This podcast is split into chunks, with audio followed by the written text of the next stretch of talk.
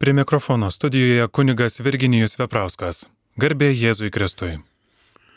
Ir paneliai švenčiausiai taip pat, malonūs Marijos radio klausytojai, laida aktualieji bažnytinės teisės klausimai. Pabaigėme šiek tiek mintis apie laikinasias gerybės, apie pamaldžius valios pasireiškimus.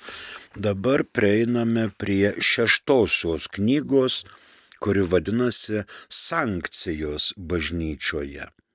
Ir pradėsime mintis apie nusikaltimus ir bausmes bendrai.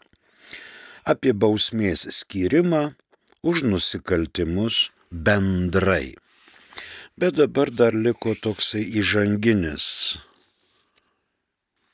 minčių pluoštelis. Kaip gimė tokia šiuolaikinė baudžiamoji teisė bažnyčioje? 1959 sausio 25 dieną jo šventenybė popiežius Jonas XXIII paskelbė, kad ketina sušaukti visuotinį susirinkimą, na ir žinoma tuo pačiu Romos sinodą, bei pavedė komisijai reformuoti 1917 m. kanonų teisės kodeksą. Toliau vystėsi reikalai štai.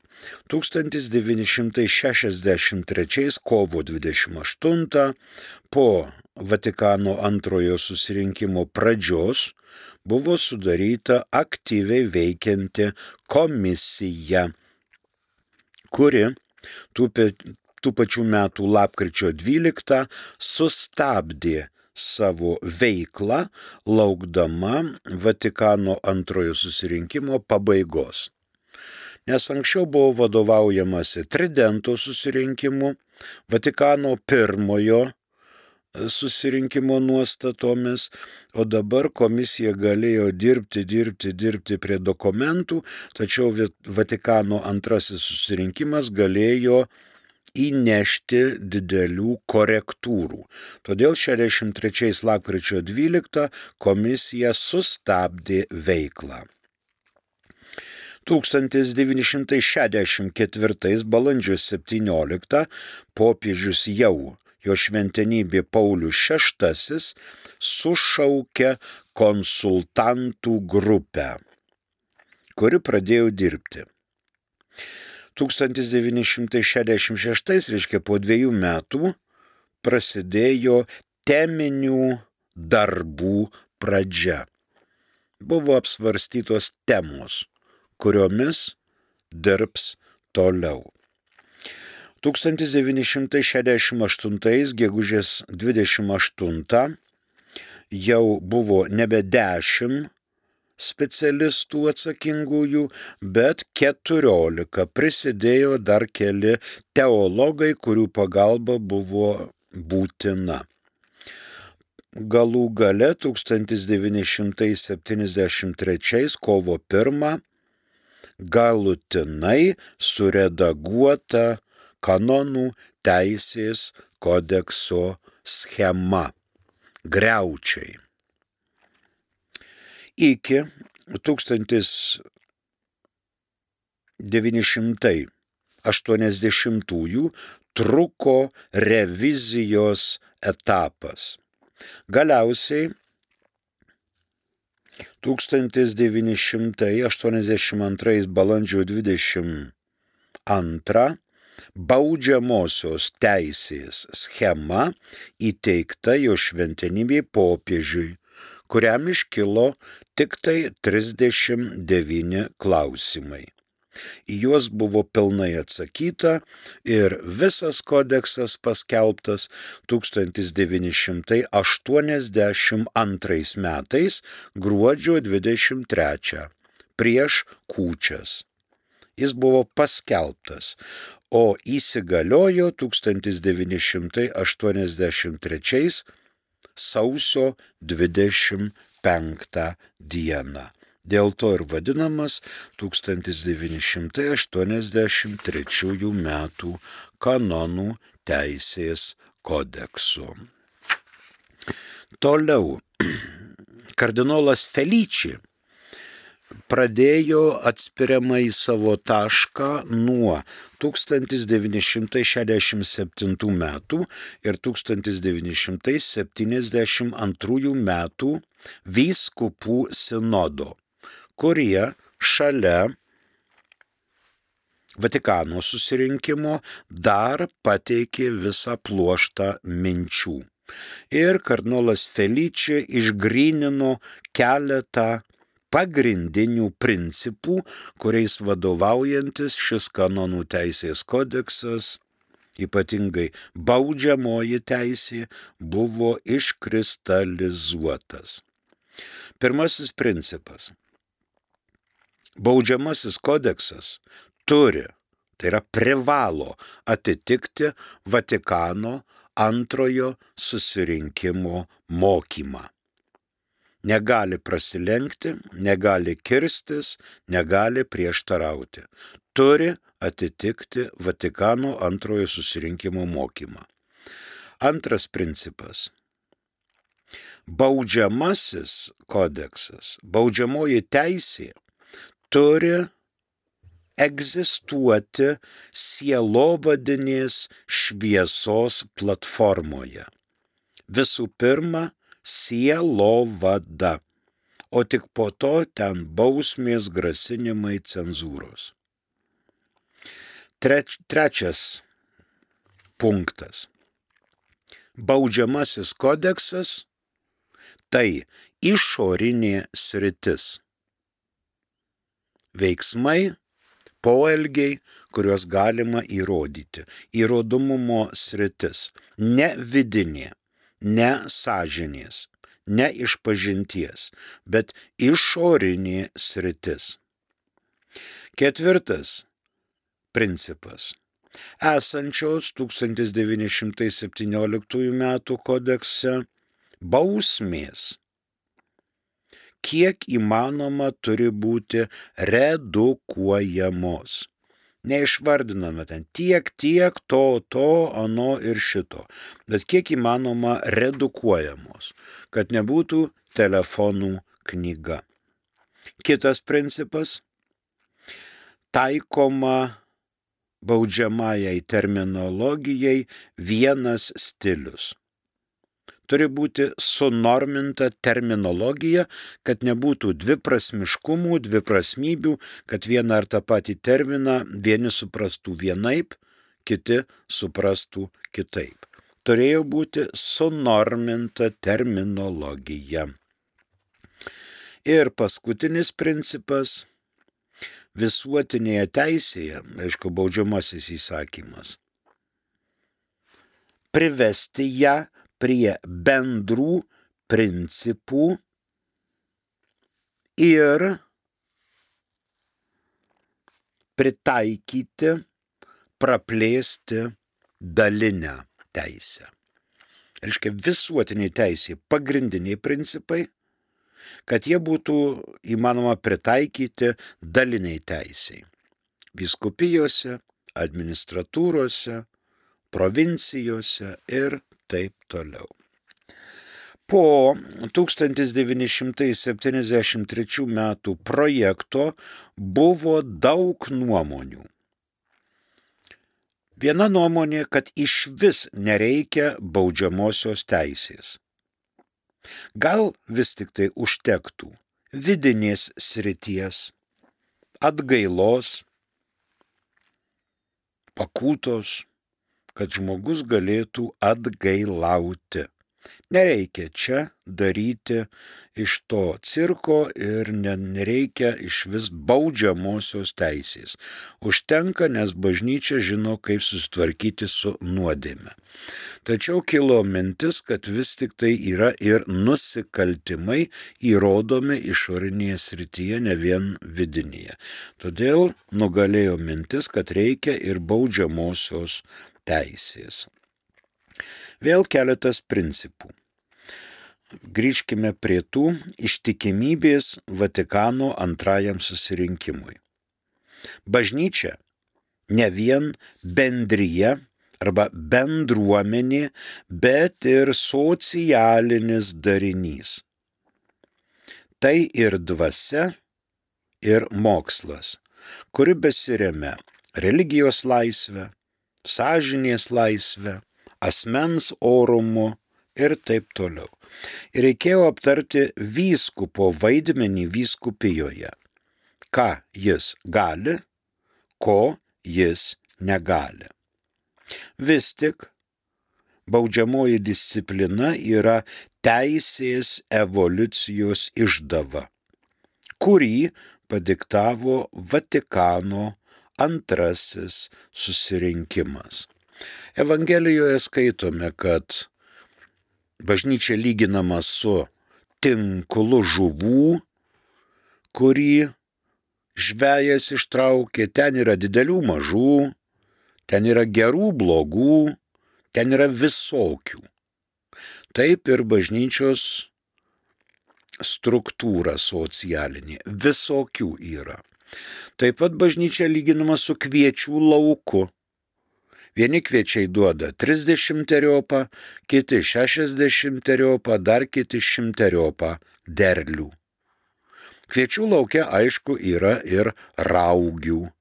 Su jomis taip pat reikia susitvarkyti. Tai va, pirmasis principas yra ištikimybė Vatikano antrajam susirinkimui ir baudžiamasis kodeksas, baudžiamoji teisė privalo būti. Antras principas - sielo vadinis lygmuo. Kaip minėta, aukščiausiame lygmenyje turi būti sielovadiniai lūkesčiai. Ir baudžiamasis įstatymas to nepaneigia. Turi aišku būti krikščioniškos meilės principų lankstumas ir meilės, vilties dvasios respektavimas, nes, kaip žinote, salus animarum suprema lex. Sielų išganimas yra aukščiausias įstatymas. Kanonas 1752. Perkelimo bylose turi būti laikomasi kanonų tuo nuostatos, laikantis kanoninio teisingumo ir atsižvelgiant į sielų išganimą, kuris visuomet bažnyčioje turi būti aukščiausias įstatymas. Salius animarum suprema lex.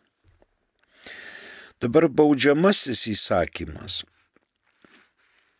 sankcijos bažnyčioje, baus už bausmes, už nusikaltimus, e, visuomet taikomos tada, kai kitos priemonės jau nebeveikia. Pabarimai, įspėjimai, raštiški, griežti ir taip toliau. 1917 m.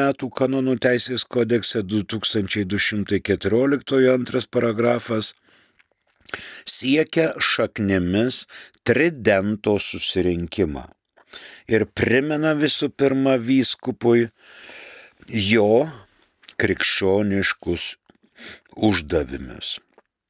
Bet tai ne atgrasimo priemonė o bažnyčios disciplinos saugotoja. Ar mes turim kokią žinutę? Taip, turime žinutę. Pabandykime. Garbėjai Jėzui Kristui. Ramžišam. Gerbiamas kunigė, prašau jūsų pakomentuoti teisinio statuso skirtumą pagal kanonų teisę parapijos vikaro ir parapijos rezidento. Vikaro teisėmis ir pareigomis su teisė laiminti santokas. Turime mintyje neseni kunigų Mindaugos Metonio ir N. Martinkaus paskirimai. Metodijus iš Prienų Kristaus apsireiškimo parapijos klausia.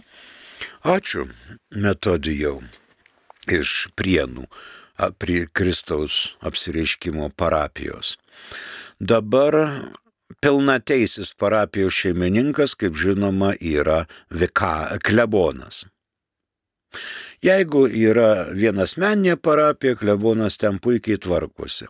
Bet jeigu yra didesnė parapija, klebonui skiriamas vikaras ar keli vikarai. Skiriami kaip pagalbininkai. Vikaras yra, na, toksai vikrusis, taip sakant, kuris vykdo klebono paliepimus. Bet jis neturi savyje galios teisinti, laiminti santuokas. Nei rezidentas, nei altarista, nei vikaras. Ir skiriamuosius raštus rašant, vikarui į tam tikrą poziciją turi būti pridėta teisė laiminti santokas. Jeigu teisės laiminti santokas nėra, vikaras, rezidentas, altarista kiekvieną kartą privalo atsiklausti klebono, nes visų pirma klebono pareiga yra laiminti santokas. Jeigu klebonas sakys ne, apsėsiu besnargliuotų čia ir aš pats laiminsiu šią santoką, tada neturi teisės tie laiminti santokų. Santoka laimina pats klebonas. Na, o rezidentas. E, kol kas taip galvojama, kad jauni kunigėliai baigę seminariją gauna vikaro poziciją bent kokius tris mėnesius ar pusmetį, po to jį galima skirti savarankiškam darbui į kleboną. Rezidentas tas pats. Yra susitreikuoja sveikata, arba pats kunigas prašo, kad jisai nesijaučia vertas būti klebonu ar kitą poziciją užimti. Arba vyskupas mano, kad kunigas nėra vertas užimti, tada jisai skiria kunigą į rezidento pareigas, bet su teisė laiminti santuoką. O čia tų, kur paminėjote pavardės kunigų paskirimai, tai tokių yra, buvo ir bus. Nes skiria kunigus į atskiras pozicijas vietos ordinaras. Tai reiškia vyskupas. Ir jisai skiria į šias parapijas laisvai. Aišku, atsižvelgdamas į kunigų prašymus. Kaip minėjau, gali būti amžius, gali būti lygos, gali būti sveikatos aplinkybės, nebūtinai lygos ir taip toliau. Tai čia jau yra vietos vyskupo prerogatyva. Ačiū. Aš irgi asmeniškai buvau ir parapijos administratorius, paskui mane perkelė į vikaro poziciją, iš vikaro po to vėl į klebono, taip kad čia yra natūralus bažnyčios gyvenimo aspektas. O mes dabar pradedam ir einam toliau apie sankcijas bažnyčioje. Trečia mintis. Baudžiamoji teisė turėtų apimti išorinę sritį. Turi būti harmonija tarp vidinės ir išorinės srities. Ir ši harmonija tarp vidinės ir išorinės neturi kirstis. Kaip gali kirstis? Paprastai gali kirstis, bet neturėtų kirsti. Bažnyčinė baudžiamoji teisė panaši į civilinę teisę. Bet nereikia telefonų knygos, kad būtų straipsniai, straipsneliai, straipsniukai ir panašiai. Galima žvilgterėti į keletą principų dėl išorinės srities. Pirma mintis - nusikaltimo savoka. Tai yra išorinis įstatymo pažeidimas. Na ir žinoma, tai siejasi tamprai su moralinė kalte. Jeigu bažnyčia nustatė įstatymą arba Dievas nustatė įstatymą ir šito įstatymo yra pažeidimas, tai žmogus neturi e, jautrumo tokio ir teisumo pobūdžio ir jis legia taip pat moralinė kaltė. Kita mintis prie išorinės ryties. Bausmės saistymo ribos. Tiek vidinėje, tiek išorinėje srityje. Ir nusikaltimas, ir nuodėmė. Kaip su nuodėmė kovoti bažnyčia žino, tam yra išpažintis. O jeigu įrodomas nusikaltimas, lydi bausmė. Trečia mintelė. Atleidimas nuo bausmės galimas, nors nusikaltimas atliktas išorinėje srityje. Bu, yra galimybė, buvo galimybė atleisti ir bausmę, ir nuodėmę sakramentinėje srityje, vidinėje srityje. Pavyzdžiui, santokinės teisės atveju, jeigu yra nusikaltimai ir taip toliau. Na ir ketvirtoji mintis - pasiekmės. Ekspiacinių bausmių asmeninė, pavyzdžiui, ekskomunika arba interdiktas anksčiau buvo taip, kad draudė eiti sakramentų tame tarpe ir iš pažinties, kol nebus nuimtos bausmės. Tas galiojo senajame kodekse 17 metų. Dabar dar klausimą turim, prašau. Taip, turime klausimą. Kiek metų buvo mergeliai Marijai, kai gimė Jėzus, klausė Antanas iš Žaslio parapijos. Mhm. Ačiū už klausimą. Girdite laidelę aktualieji bažnytinės teisės klausimai. Ir štai, kiek buvo mergeliai Marijai, kai gimė Jėzus. Nevedė tokios chronologijos ir mes nežinome. Manom, kad kažkur tai apie 14 metų pagal to meto papročius. Gal 12, gal 14. Tikslaus atsakymo nerasite. Ačiū. Toliau. Komisija priejo minties, kad reikėjo nuimti įtampas ir prieštaravimus tarp meilės bažnyčios ir teisinės bažnyčios bažnyčia, pavyzdžiui, kaip Leonardas Bofas sakė, charizma bažnyčia ir valstybė bažnyčia, va santykiai. Charizma tai meilė, o valstybė tai jau teisinis reguliavimas. Ne visuomet išorinė sritis įpareigoja tai, kas priimta vidinėje srityje ir ne visuomet galima įrodyti nusikaltimą išorinėje srityje. Ypatingai kiek tai santokinė teisė su dispensa ir panašiai. Neįmanoma. Pavyzdžiui, neįrodoma kliūtis. Jaunoliai priimti kunigystės sakramentus. Kliūtis yra, bet jinai neįrodoma. Na ir pasielk, kad nori. Čia minėta, kad ypatingai su dispensa santokos rytyje ar, pavyzdžiui, atleidimu nuo bausmės. Dabar kėlė klausimą komisija, ar ekskomunikuotieji bei interdiktuotieji gali eiti iš pažinties ir ligonių sakramento. Tai tokią mintį kėlė būtent šios komisijos nariai. Toliau buvo vienas principas - bažnytinių bausmių redukavimas. Visų pirma, bausmės letė sentencijai.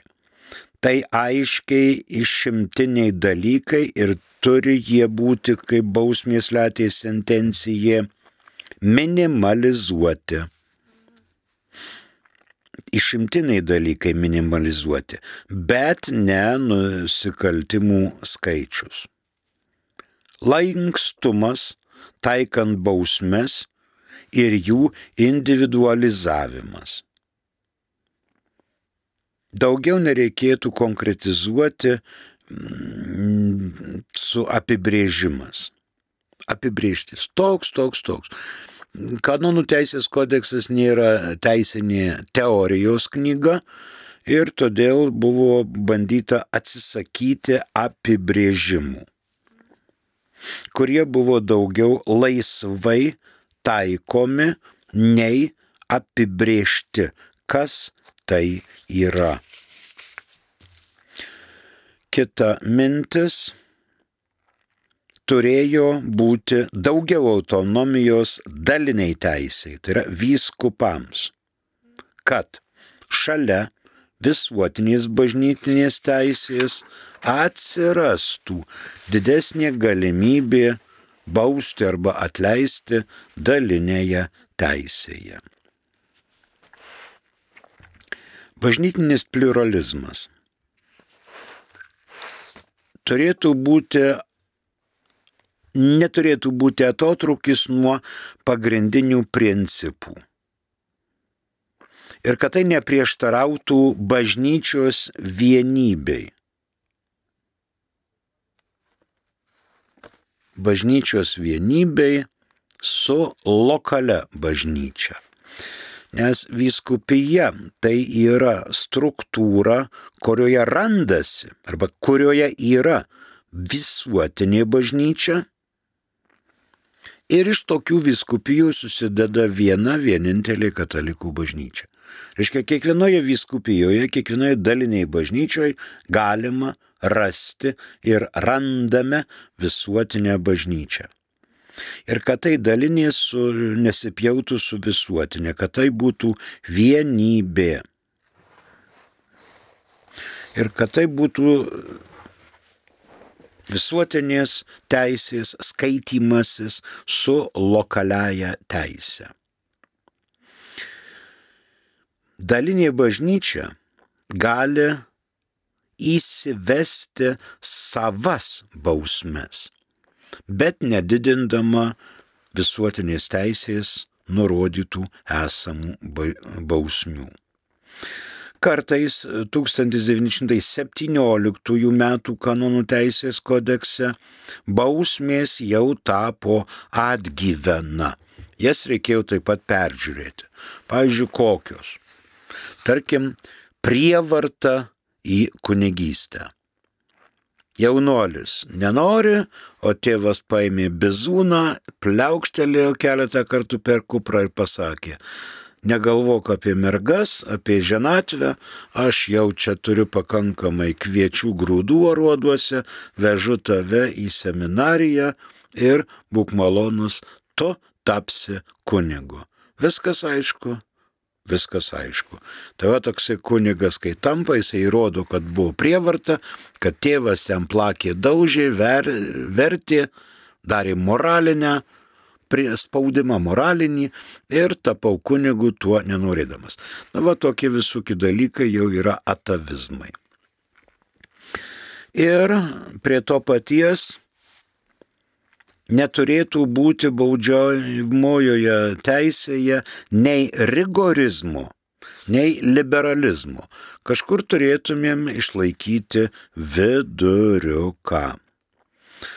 Paskutinė mintis - terminologijos suvienodinimas. 1917 m. kanonų teisės kodeksas turėjo daug įstatyminių definicijų, net ir tokių, kas yra nusikaltimas. 2195 kanonas.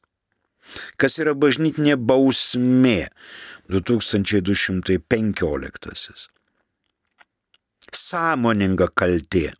2200. nesąmoninga kaltė. 2294, cenzūra. 2241 ir taip toliau.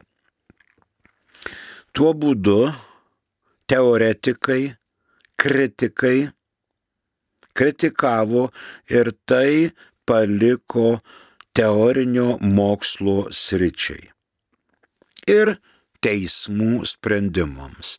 Tegul teismai priima tuos visus nuostatus, jiems yra tokia teisė suteikta. Atsižvelgė, žinoma, komisija į teisės doktriną, o ne į įstatymdavio uždavinius, su kuriais susidurė popiežius kaip įstatymdavys. Į teisės doktriną susikoncentravo. Toliau. Terminai neturėjo būti daugiareikšmiai. Baudžiamoji teisė privalėjo būti labiau aiški ir suprantama nei teoriniai. Tai buvo labiau praktinė. Principai po Vatikano antro susirinkimo ir šiuo laikinio pasaulio turėjo atspindėti ir at, atskirti vidinę sritį nuo išorinės, nuo baudžiamosios.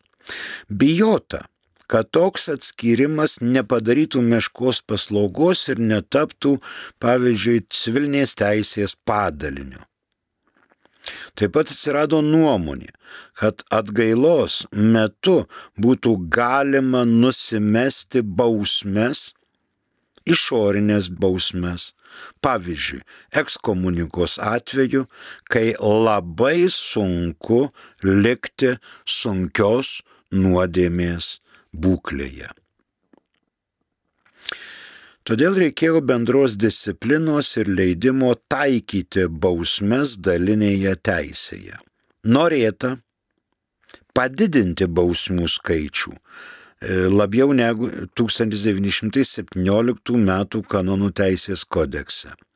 Pavyzdžiui, kad būtų įrašytas terorizmas, pornografija ir taip toliau. Norėta, aišku, letė sentencijai bausmes taikyti tik labai sunkiais atvejais. Kiti netgi norėjo letė sentenciją bausmę naikinti. Na tai tokia bendra apžvalga buvo, dabar gal trumpai, trumpai žvilgterėkime į bažnytinės teisės padalą. Šio laikinė bažnytinė teisė, baudžiamoji teisė yra nuo 1311 iki 1399 kanono. 17 metų kanonų teisės kodekse tą normino penktoji knyga ir buvo 220 kanonų, 83 metų kodekse tai yra šeštoji knyga ir tik 89 kanonai. 17 metų buvo gal kokie trys tokie pagrindiniai dalykai. Pirmiausia, apie nusikaltimus bendrai, po to apie bausmes bendrai ir toliau apie bausmes už atskirus nusikaltimus. Dabar liko tik tai dvi mintys. Pirmoji - nusikaltimai ir bausmės bendrai ir bausmės už atskirus nusikaltimus.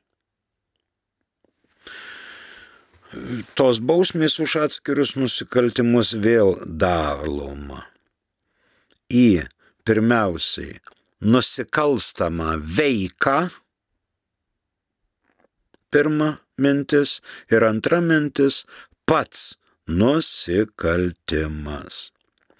Tai žinoma pozityvistinės mokyklos laimėjimas prieš klasikinę mokyklą.